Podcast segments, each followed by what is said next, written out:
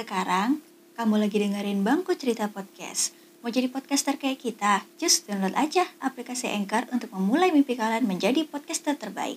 Di sana kamu bisa merekam, mengedit, memberi efek suaramu agar nyaman didengar, dan gratis loh. Tunggu apa lagi? Buruan download ya.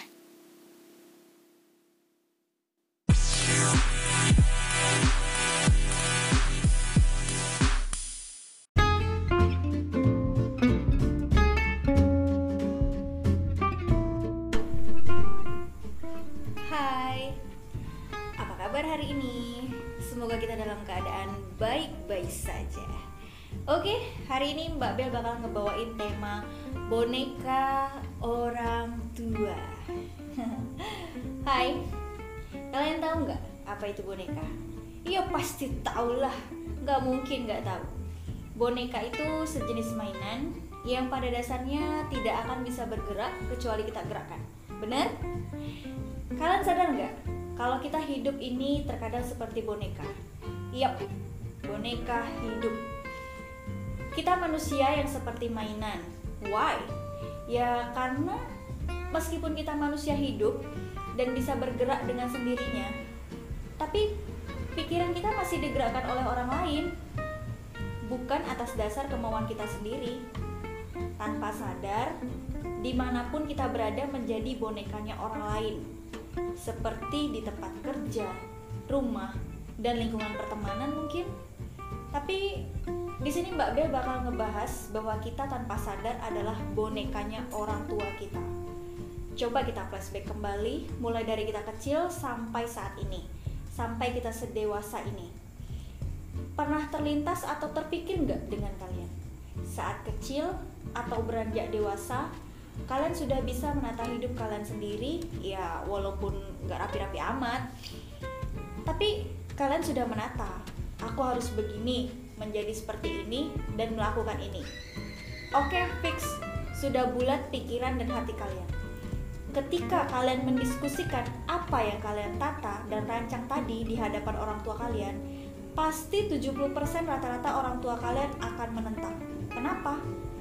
Bukan itu yang orang tua inginkan. Dari sejak kita dini, orang tua sudah merancang something yang nantinya akan kalian jalani. Orang tua selalu ingin melakukan yang terbaik untuk anaknya, tanpa mau tahu kalian sudah menyusun rencana hidup kalian sendiri. Ya, tapi tidak semua orang yang gitu. Maybe ada juga orang tua yang memberikan hak demokrasinya terhadap anak.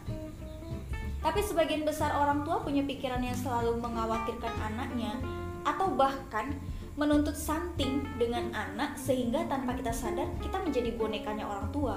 Contohnya seperti uh, kita memilih suatu pekerjaan yang menurut kita pas dengan passion kita, tapi orang tua tidak setuju.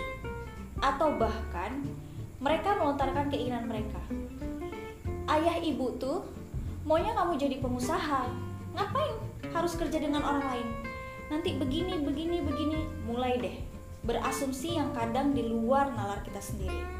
Oke, mungkin maksud mereka baik, tujuan mereka baik.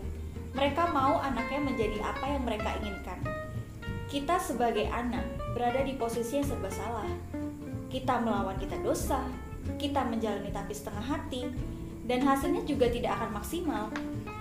Kita juga tidak pernah bermaksud untuk menyakiti orang tua, tapi terkadang mereka tidak mau mendengar apa yang kita inginkan.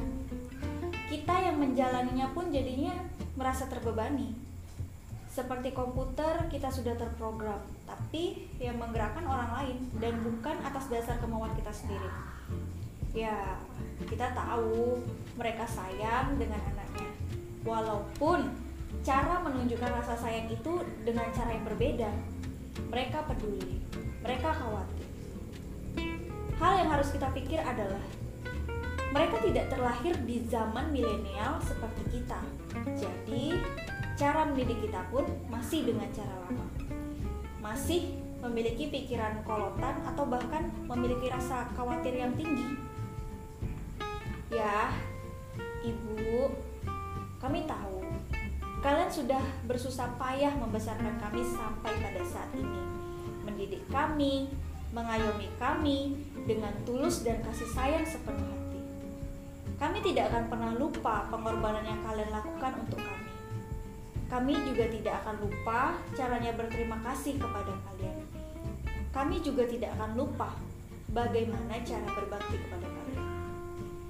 Kami sudah beranjak dewasa, sudah mulai memilah dan memilih cara hidup kami, masa depan yang akan kami jalani. Sebagai anak, kami hanya butuh doa dan support dari kalian agar kami bisa menjalani apa yang telah kami tata. Kami tahu kalian sudah lebih lama hidup di dunia ini daripada kami. Kalian sudah lebih dulu mengarungi lautan asam garam dibanding kami. Kami cuma butuh dukungan agar kami bisa melewati ini semua. Rintangan dan hambatan pasti ada, tapi kami hanya butuh doa dan support kalian. Meskipun kami berjalan dengan jalan yang sudah kami pilih, tapi percayalah, kami bisa melewati ini kami mampu berjalan di atas bara api meskipun ini tuh menyakitkan. Tanpa dukungan kalian, kami tidak akan bisa bertahan sampai detik ini. Kami adalah manusia yang bisa berpikir. Izinkan kami hidup dengan pemikiran kami. Ya, Bu, tidak perlu khawatir lagi. Sampai kapan pun kami akan tetap menjadi anakmu. Walaupun kami tidak menjadi bonekamu lagi. Bye.